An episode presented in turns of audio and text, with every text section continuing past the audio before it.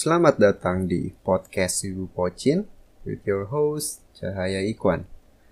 Seperti biasa, kita bakal ngomongin One Piece chapter terbaru dan sebelumnya juga bakal ada update-update ringan mengenai dunia anime dan manga. Dalam seminggu terakhir sebenarnya nggak banyak yang terjadi gitu kan. Mungkin yang bisa gue highlight cuma dua hal ini. Dua-duanya sama-sama adaptasi anime dari sebuah karya manga. Yang pertama dari Hiro Mashima, kreator dari Rave, Master, dan Fairy Tail, yang sekarang sedang menjalani serialisasi ketiga dia, yaitu Eden Zero.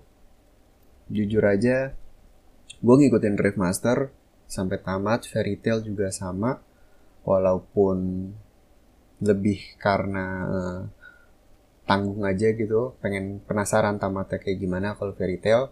Dan si Eden Zero ini gue baca sekitar 10 chapter pertama dan udah gue drop dan gak pernah baca lagi. Dan tiba-tiba ada berita bahwa Eden Zero ini diangkat menjadi anime. Um, gue nggak bisa komen banyak tapi karya-karya dia memang selalu populer sih. Jadi ya bisa kita tunggulah gitu. Dan ini belum ada rilis date-nya jadi mungkin masih lama. Kalau untuk serial kedua ini dia jauh lebih legend, jauh lebih populer. Kita semua pasti tahu yaitu Shaman King. Shaman King akan mendapatkan serial anime baru pada tahun 2021 bulan April. Um, dan ini bakal jadi dia bakal jadi ribut sebenarnya. Mirip kayak Hunter x Hunter lah yang edisi 2011 bener-bener adaptasi dari manga yang asli cuman lebih modern aja gitu. Kira-kira bakal kayak gitulah. Um, shonen shonen. Shaman King sendiri merupakan salah satu serial top dari Weekly Shonen Jump yang dimulai pada tahun 98 dan dia tamatnya 2004 kalau nggak salah tapi sebenarnya masih lanjut. Cuma dia pindah-pindah majalah dan dia ada sempat ada sequel sempat ada spin-off tapi kayaknya nggak begitu populer. Nah Shaman King ini sendiri mungkin kalau kalian ingat itu di Antv dulu itu legend banget. Dan game game PS1 nya juga keren sih. But anyway gue cuma ada dua berita itu mendingan kita langsung masuk dalam review One Piece.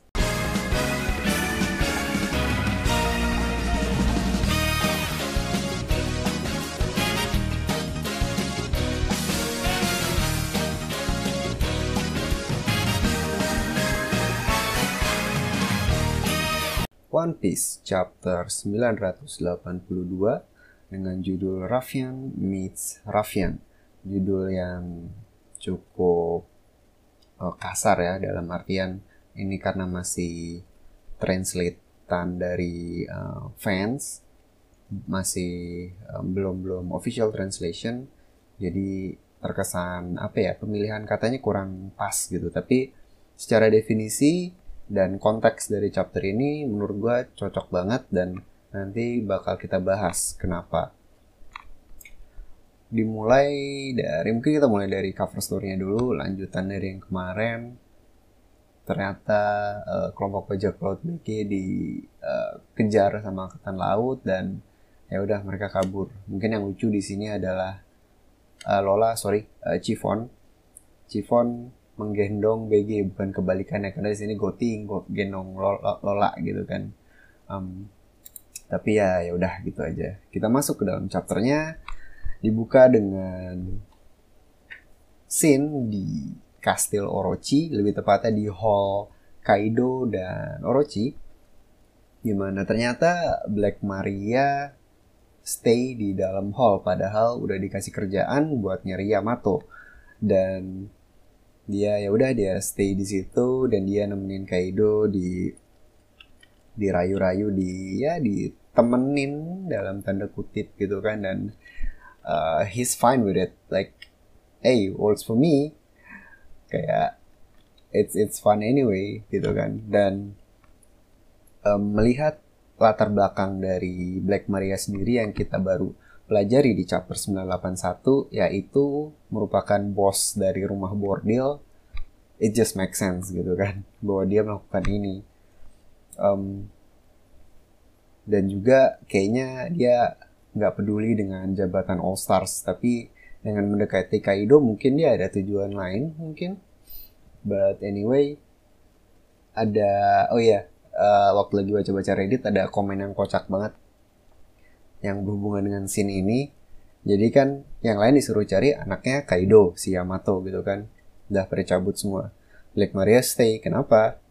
Karena ngapain nyari-nyari anaknya? Kalau bisa bikin ya yeah. gitu ya boleh lah um, anyway di sini akhirnya um, Kaido membeberkan gitu ya goal dia maksudnya kenapa dia pengen banget ke Wano dan kenapa dia pengen banget mencari anggota keluarga Kozuki yang masih hidup. Ternyata dia pengen tahu tentang clue untuk mencapai Love Tail alias Raftel.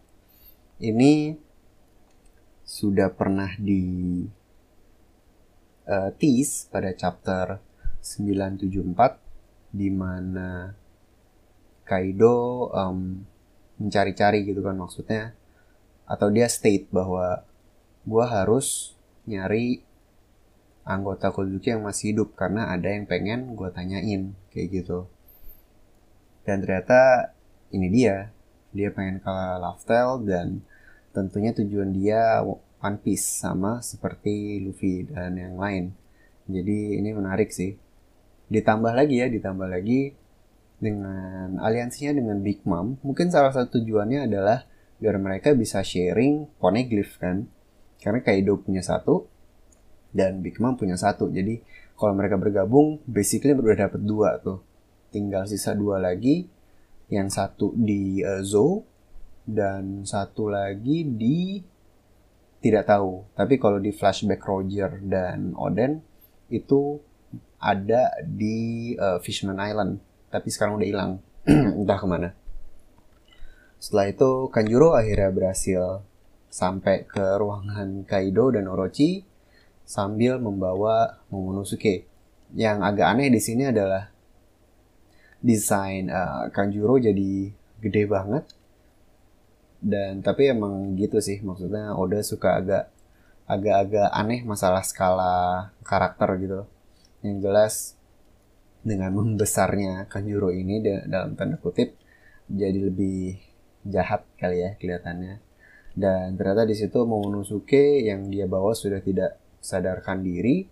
Jadi seperti yang kita ingat di chapter 979 kan Momo berusaha cari cara untuk kabur dan dia akhirnya nemu pisau nih. Dia pikir itu bisa nih buat buat mutusin talinya dan dia bisa kabur. Tapi ternyata yang terjadi adalah ketahuan sama Kanjuro dan akhirnya malah dihajar sampai babak belur. Walaupun kita nggak lihat ya but but it was obvious anyway. Um, Orochi uh, senang kan dengan hal ini dan um, di sini Kaido cuma apa ya reaksinya cukup aneh sih menurut gua dan bisa dibahas gitu. Jadi dia kayak cuma ngeliatin doang dan dia kayak uh, wait wait. Gue inget lo lo lo anggota Akazaya 9 kan? Dan anak itu apalagi terus karena um, dulu kan waktu kejadian ya tepat setelah Oden meninggal kan. Um, kastilnya Oden di diserbu dan sebelum akhirnya pindah ke masa depan Kaido sebenarnya udah sempat ketemu sama Momonosuke. Nah di sini dia uh, kecewa maksudnya kayak oh ini anaknya Oden kayak kok kok sama persis kayak yang dulu? gitu. Soalnya kan udah 20 tahun sebenarnya. Kayak udah 20 tahun ditungguin dan masih sama. Cuman kan dalam kasus ini mau Momonosuke di dia dia lompat ke masa depan kan jadinya masih um, masih bocah gitu. Dan gue nggak tahu ya tapi kayaknya dengan dengan uh, displease atau disappointment yang ditunjukkan oleh Kaido ini seakan-akan um, memperlihatkan bahwa mungkin Kaido sebenarnya uh, berharap bahwa si Momonosuke bisa menjadi penerus dari Oden dalam dalam segi uh, kekuatan. Jadi menurut gua ya dan dan um, satu-satunya yang bisa ngasih luka ke Kaido itu Oden loh, bukan Roger, bukan Shirohige, bukan siapa lagi, Garp atau Sengoku, tapi Oden. Jadi mungkin ya dalam lubuk hati yang terdalam dalam Kaido berharap bahwa anak ini bisa jadi sekuat dia dan dia bisa merasakan duel yang sehebat dulu gitu. Cuman ya kita lihatlah nanti. Menurut gua Kaido tuh masih banyak yang bisa dieksplor sih personalitinya. Apalagi nanti kalau udah ketahuan ya um, si Yamato ini dan uh, intrik mereka kayak gimana. Oke. Okay. Um, terus di sini Black Maria kasihan dia dia angkat dan dia pangku.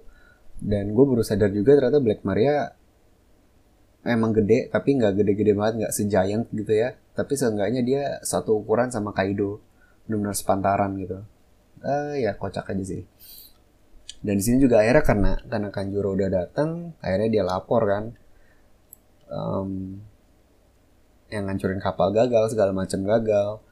Terus um, tim tim Kinemon udah udah dalam OTW ke Onigashima gitu kan.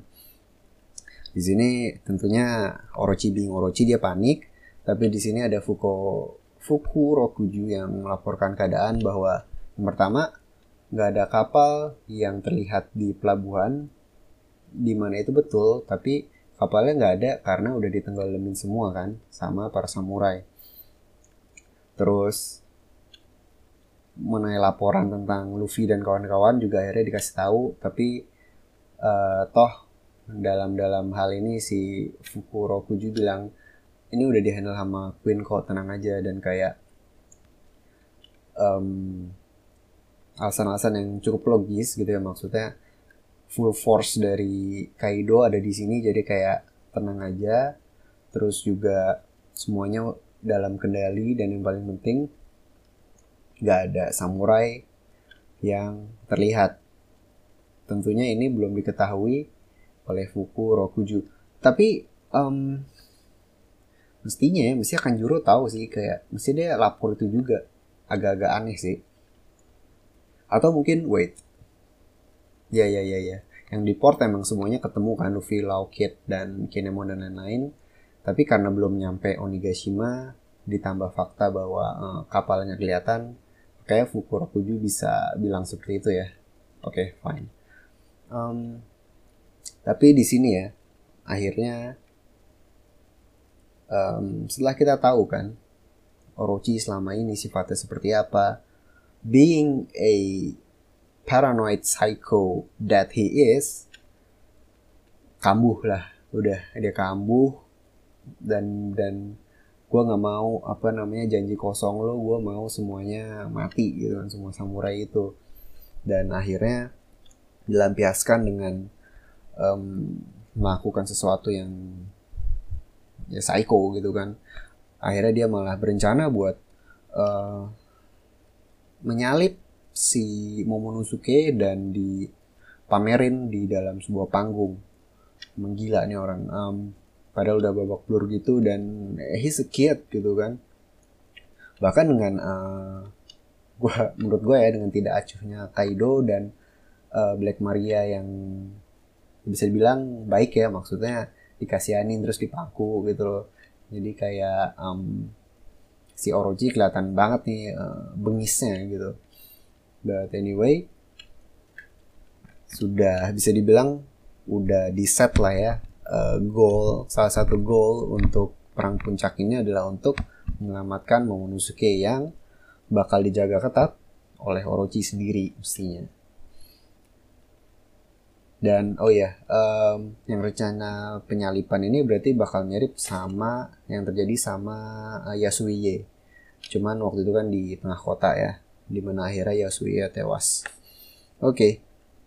kita bakal ke scene berikutnya yang bisa dibilang uh, berita seputar Onigashima.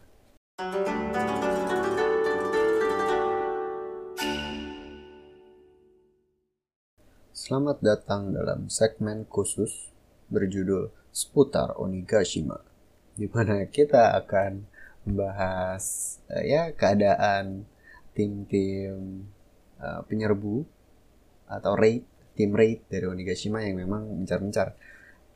Pertama, kita akan melihat uh, Lau dan Nekomamushi. Lau dan Nekomamushi. Lau dan Inuarashi yang akhirnya kontakan sama Nekomamushi yang memang baru nyampe di Wano di sini ya nothing happen sih nothing yang bisa di highlight mereka belum um, mengalami konflik apa-apa karena toh mereka belum mendarat juga. Kayak bakal nyampe paling belakangan sih mestinya. Anyway lebih penting lagi adalah yang in konteks sama mereka yaitu Nekomamushi dan Marco yang baru aja nyampe di Wano dan lagi OTW nih ke pelabuhan terdekat. Jadi yang pertama yang menarik adalah si either uh, Marco atau Nekomamushi bilang bahwa oh jadi sekarang ini nama pulaunya Onigashima nih menarik yang yang artinya dulu ada nama lainnya nih dan kemungkinan namanya bakal jadi sebuah um, plot reveal atau plot twist mungkin yang yang cukup menarik. Jadi dicatat aja dulu bahwa Onigashima punya nama lain. Dan ternyata Marco terbang apa namanya? Terbang di, di chapter 981 bukan gaya-gayaan ternyata emang dia literally berada di rombongan yang terpisah dengan Nekomamushi dan Izo. Jadi uh, dan kebetulan ternyata mereka nyampe nya barengan dan ya um, di sini kita dapat dua poin yang cukup penting yang pertama adalah akhirnya sudah jelas gitu ya kenapa kru Shirohige nggak bantuin Oden untuk merebut Wano. Sesimpel fakta bahwa Wano memang negara yang tertutup dan terisolasi jadi berita apa pun nggak ada yang bisa keluar. Jadi mungkin dalam konteks ini um, mereka nggak tahu nih maksudnya Oden masih hidup kah atau gimana. Terus kalaupun dia tewas kenapa tewasnya dan siapa yang yang melakukan gitu. Walaupun mestinya fakta bahwa Kaido itu markasnya di Wano mestinya udah jadi uh, rahasia umum gitu. Karena ya, semua orang tahu lah gitu. Uh, angkatan lo tahu Kurohige juga tahu jadi kayak ya ya udahlah. Cuman seenggaknya udah ada penjelasan. Di sini juga Izonya masih ditahan-tahan gitu revealnya. Padahal kita udah tahu ada dia cuman masih belum diperlihatkan terus hal yang kedua adalah kalau kita ingat terakhir kali kita melihat Marco itu ya waktu ketemu Nikomamushi juga di kampung halamannya Shirohige yaitu desa Sphinx uh, di chapter 909 pada saat itu dia kan sebenarnya menolak ya buat ikutan Nekomamushi terus dia bilang uh, dia harus menjaga desa ini karena takutnya bakal diserang sama Edward Weevil.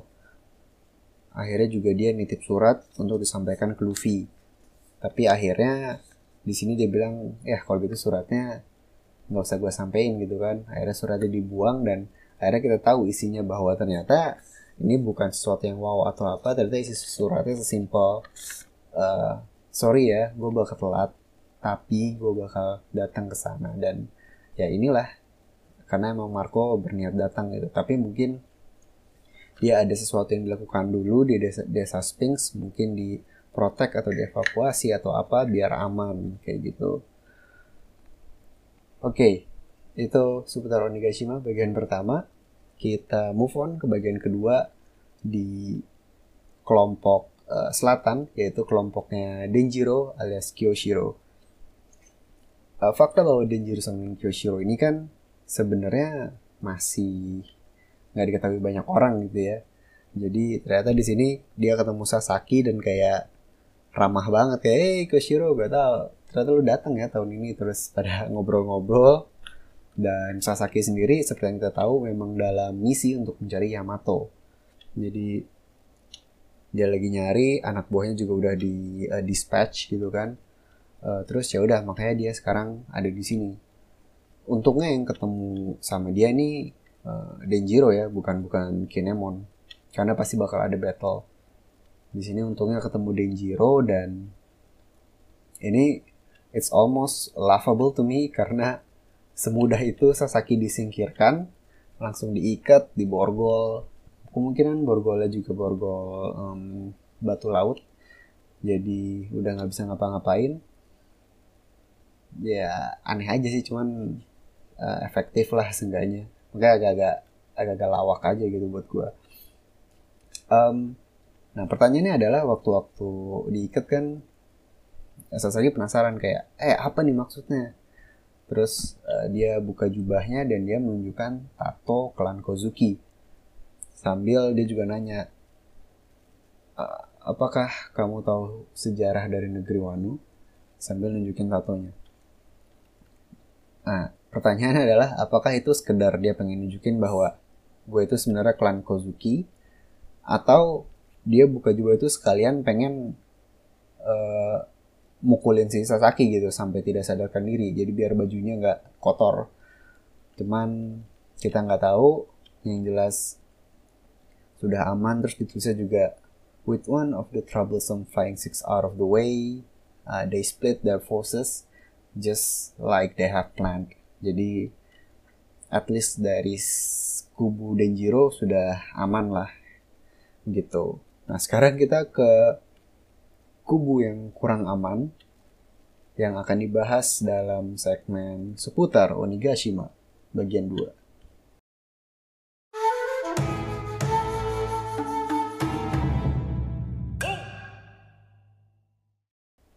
Kembali lagi dalam segmen seputar Onigashima bagian kedua di mana kita akan melihat keadaan dari tim Kenemon.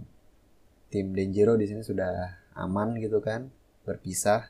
Tapi di sini seperti yang kita tahu ada masalah yang besar dan literally besar karena ada Big Mom di sini yang dengan uh, luar biasanya berhasil menemukan chopper pada chapter lalu dan uh, banyak yang bilang gak ada yang gue yang bilang gue yang bilang kayak uh, wah kayak bakal ramah nih Big Mom. Mungkin dia masih ingat pertemanan waktu dia dulu menjadi Olin terus ya ya udah buang aja teorinya ke ke ke sungai ke laut.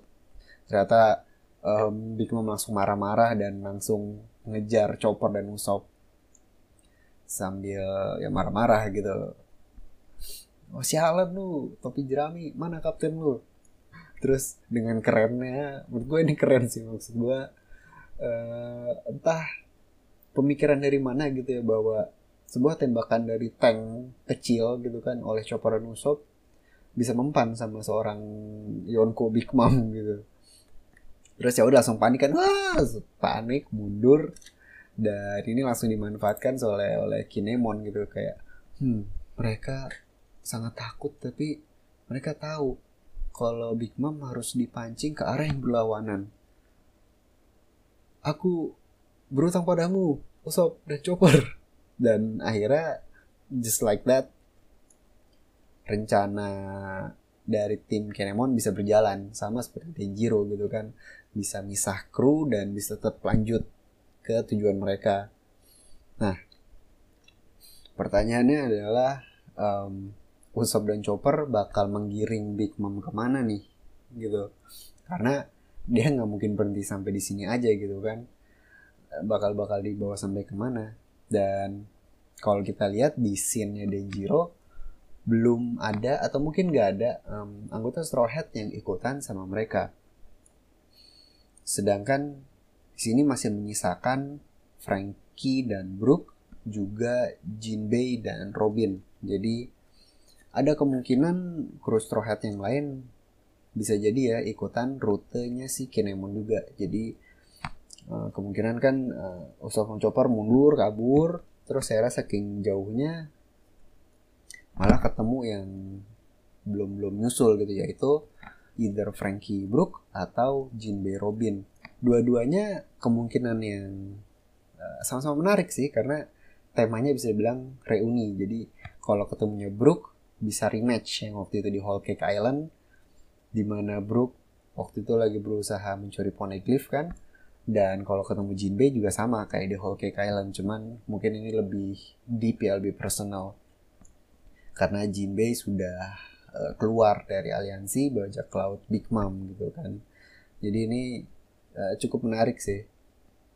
Bakal dibawa ke mana nih si Big Mom? Sementara itu tim uh, Momonosuke Retrieval Squad yang terdiri dari cewek-cewek ini Nami, Carrot, dan Shinobu. Melihat dari kejauhan dan aduh mereka bakal kenapa-napa nggak ya? Ya udahlah maju aja. Dan kayak Carrot yang ah kok dibiarin aja? Itu kan Big Mom. Terus Nami ya justru itu kita nggak bisa ngapa-ngapain kalau sama dia. Dan uh, I think that's why I love I, I love I love Nami. Maksudnya pragmatis pragmatis bangsat gitu. Kocak banget sih. Ya dia dia cukup konsisten dengan dengan uh, sikapnya yang seperti ini dengan karakternya yang seperti ini gitu. Dan lebih seru lagi ternyata um, kan uh, Big Mom mengejar Usap dan Chopper cuma pakai topi ya alias si Napoleon. Ternyata emang Prometheusnya nggak dibawa dan ternyata Prometheus masih ada di kamarnya Big Mom di situ juga dia ketahuan kan karena uh, Zeus itu sekarang kan dia tinggal di dalam clan attack-nya Nami terus clan attack bereaksi dan akhirnya langsung tahu deh hey, lu ya yang waktu itu culik si Zeus dan langsung masuk ke battle mode. Dan ya harapan gue ini sih uh, ya mungkin bakal kucing-kucingan dulu kejar-kejaran tapi kalau sampai ada Prometheus versus Nami, Carrot dan Shinobu bakal menarik banget sih tapi mungkin kita bisa coba um, refresh dulu ingatan tentang si Zeus nih kenapa mau-maunya ikut sama Nami gitu kan. Jadi um, mungkin deskripsi dulu gitu kan. Zeus dan Prometheus uh, serta Napoleon ini kan tiga homies. Homies itu sebutan untuk benda-benda yang diberikan uh, soul oleh Big Mom melalui kekuatan buah iblisnya yang bisa menjadi benda hidup gitu kan benda mati dikasih soul nanti jadi hidup tapi uh, tiga homies ini spesial karena biasanya homies itu dibuat dari soul orang-orang lain yang dicolong sama Big Mom. Kalau tiga-tiganya yang bertiga ini itu fragmen dari soulnya Big Mom sendiri. Gitu. Jadi lebih kuat lah mestinya.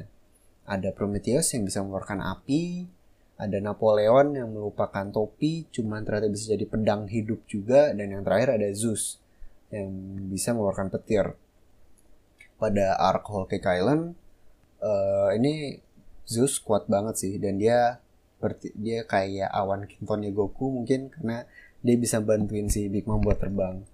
Um, anyway, dalam scene pengejaran itu kan gila banget ya. Bener-bener Big Mom ngelawan Straw Hat dan Jinbei tanpa ada Luffy gitu kan. Luffy-nya masih tepar.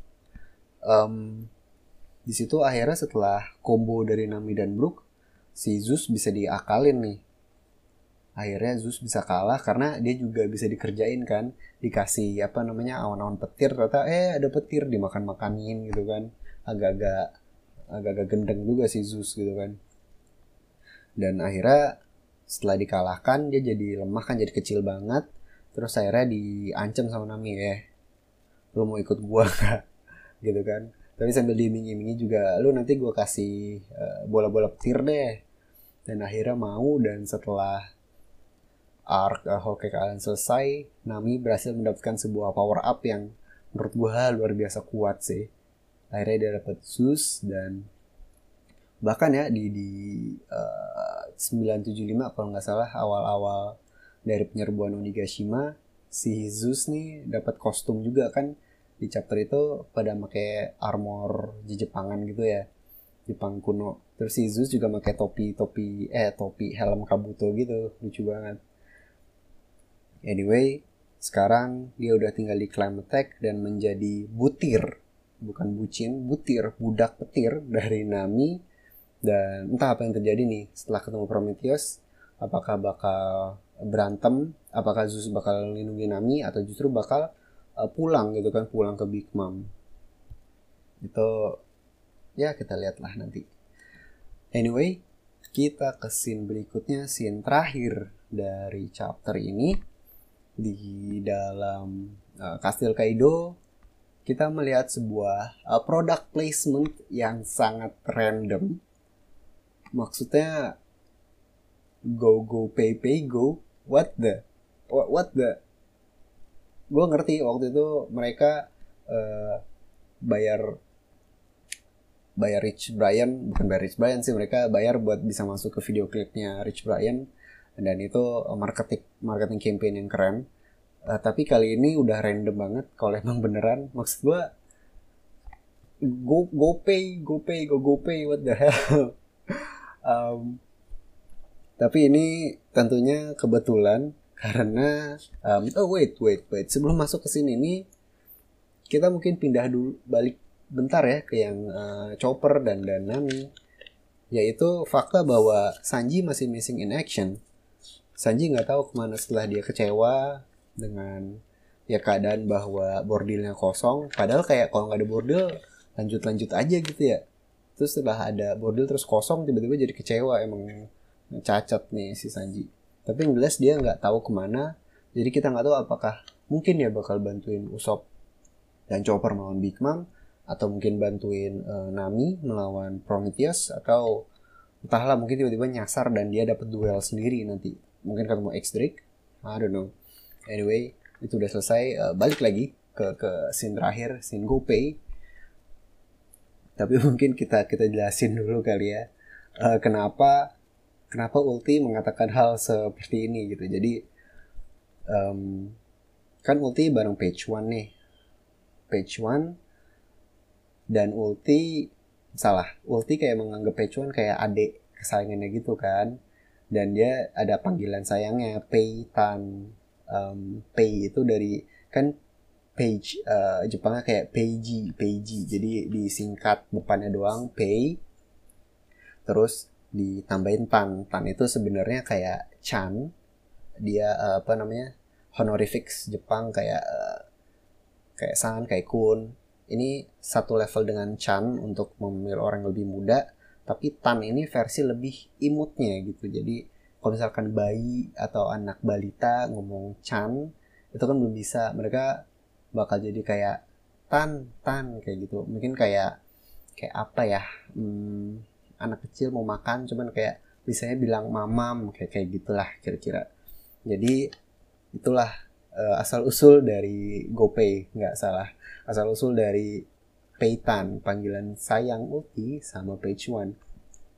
Dan di sini uh, aneh banget sih maksudnya klingi banget sih si Ulti sama Page One. Apakah mereka emang kakak adik atau kenapa gitu kan? Uh, entahlah nggak jelas yang jelas Page One bodoh amat uh, dikejar-kejar sama Ulti padahal One lagi ya nyari Yamato juga gitu kan. Terus akhirnya dia uh, kesel kayak eh gendong gue gue capek sialan lu. Karena si Ulti memang uh, personalitinya aneh banget. Jadi dia kayak eh so imut sosok dewasa tapi begitu udah snap bakal langsung kelihatan apa namanya bocahnya gitu kekanakannya um, anyway uh, GoPay, Paytan ada Ulti dan uh, Page One dan yep tentu saja halaman terakhir setelah uh, Ulti dan Pechon jatuh dari tangga, kita melihat seseorang yang sangat familiar, tidak lain tidak bukan adalah Luffy si topi jerami. Langsung juga uh, hadap-hadapan sama Ulti dan mau apa lo? Kata si Ulti. Terus Luffy yang gue juga mau nanya hal yang sama. And then bam, end of chapter 982. So ya, yeah, Tentu saja gue sangat-sangat berharap ini yang akhirnya akan menjadi duel perdana dari perang puncak Wano yaitu Ulti versus Luffy dan ini juga kenapa chapter ini berjudul uh, Ruffian Smith uh, Ruffian. Jadi Ruffian itu sebenarnya sinonimnya uh, delinquent, uh, scoundrel, thug, pokoknya berandalan lah atau tukang rusuh, uh, orang-orang yang wild, orang-orang yang nggak tahu sopan santun. Dan ya ini contohnya ulti yang lidahnya nggak bisa dijaga sama Luffy yang berbuat seenaknya.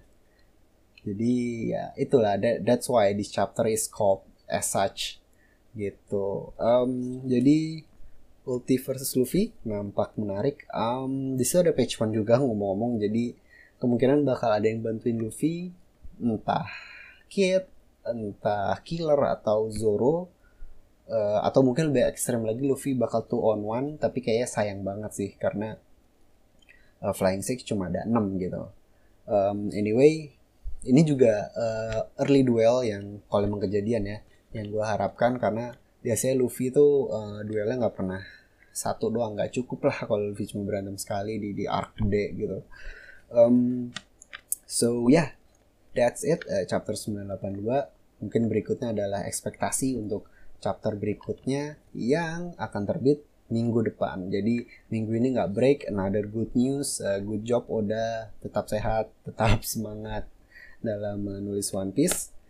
So anyway, oh mungkin yang pertama ini ya status dari Flying Six yang sekarang uh, keberadaan mereka gitu ya setelah rapat bersama Kaido. Jadi yang pertama Ulti dan Page One. Seperti yang kita lihat berhadapan dengan Luffy, ready to fight, hopefully. Dan yang kedua ada Black Maria. Di awal chapter sudah diperlihatkan lagi nemenin Kaido dan entahlah apa bakal ada apa Black Maria punya rencana sendiri atau gimana entahlah. Yang jelas dia uh, aman lah di sana. Terus yang ketiga ada Sasaki kelihatan juga di chapter ini sedang diborgol oleh Denjiro tapi entah sadarkan diri atau enggak karena kita nggak tahu ya apa dipukulin sama Denjiro atau dibiarin gitu aja. Terus uh, yang kelima ada Who's Who yang kita udah lihatnya chapter kemarin sih. Jadi dia udah ngumpulin krunya dan mereka udah mau fokus untuk mencari Yamato. Jadi uh, tapi masih ada kemungkinan ya nanti next chapter mungkin ada encounter dengan kru Luffy atau kru samurai yang lain dan mungkin di situ akan terjadi battle. Tapi yang jelas fokusnya Husu buat nyari Yamato. Dan yang terakhir X Drake pure uh, misteri kita nggak tahu abis rapat dia ke mana belum diliatin sama sekali dan justru dia yang paling menarik gitu kan karena kita tahu dia itu sebenarnya double spy dari angkatan laut dan kita belum tahu juga sebenarnya misi yang diberikan oleh angkatan laut itu apa? Maksudnya dia ditempatkan di petinggi Kaido tuh buat ngapain gitu kan? Kita belum tahu. Dan juga um, yang menarik sebenarnya kalau dia ketemunya nanti misalkan X dari ketemunya sama uh, kru samurai bisa jadi bakal dilawan gitu kan? Karena kita belum tahu goal sebenarnya tuh dia ngapain. Sayangnya dia nggak bisa ketemu Lau karena kalau yang kita ingat waktu Lau di bebasin atau dia kabur dari penjara di ibu kota Wano setelah dia ngebully Hawkins itu dia dibiarin kabur oleh X Drake.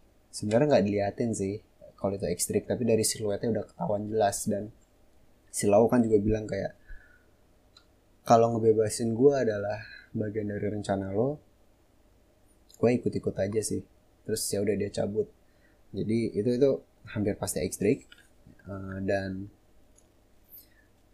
ya gitu sih gue penasaran. Maksudnya apakah bakal ada battle apakah gimana? Terus juga yang penasaran berikutnya adalah untuk fight sendiri. Tentunya yang pertama Ulti versus Luffy apakah akan terjadi, terus juga Prometheus versus um, Nami apa bakal terjadi, dan tentu saja Big Mom yang tadi udah kita bahas kemungkinan-kemungkinannya. Yang perlu ini perlu kita tahu dulu ya maksudnya Chopper sama Usopp bakal bawa Big Mom bakal digiring ke mana nih gitu. Um, tentunya dengan possibility yang udah di share tadi yang pertama mungkin ketemu Jinbei mungkin ketemu uh, Brook atau mungkin hal lain yang lebih menarik. But anyway that's chapter 982 kita bakal ketemu lagi di chapter 983 minggu depan. Thank you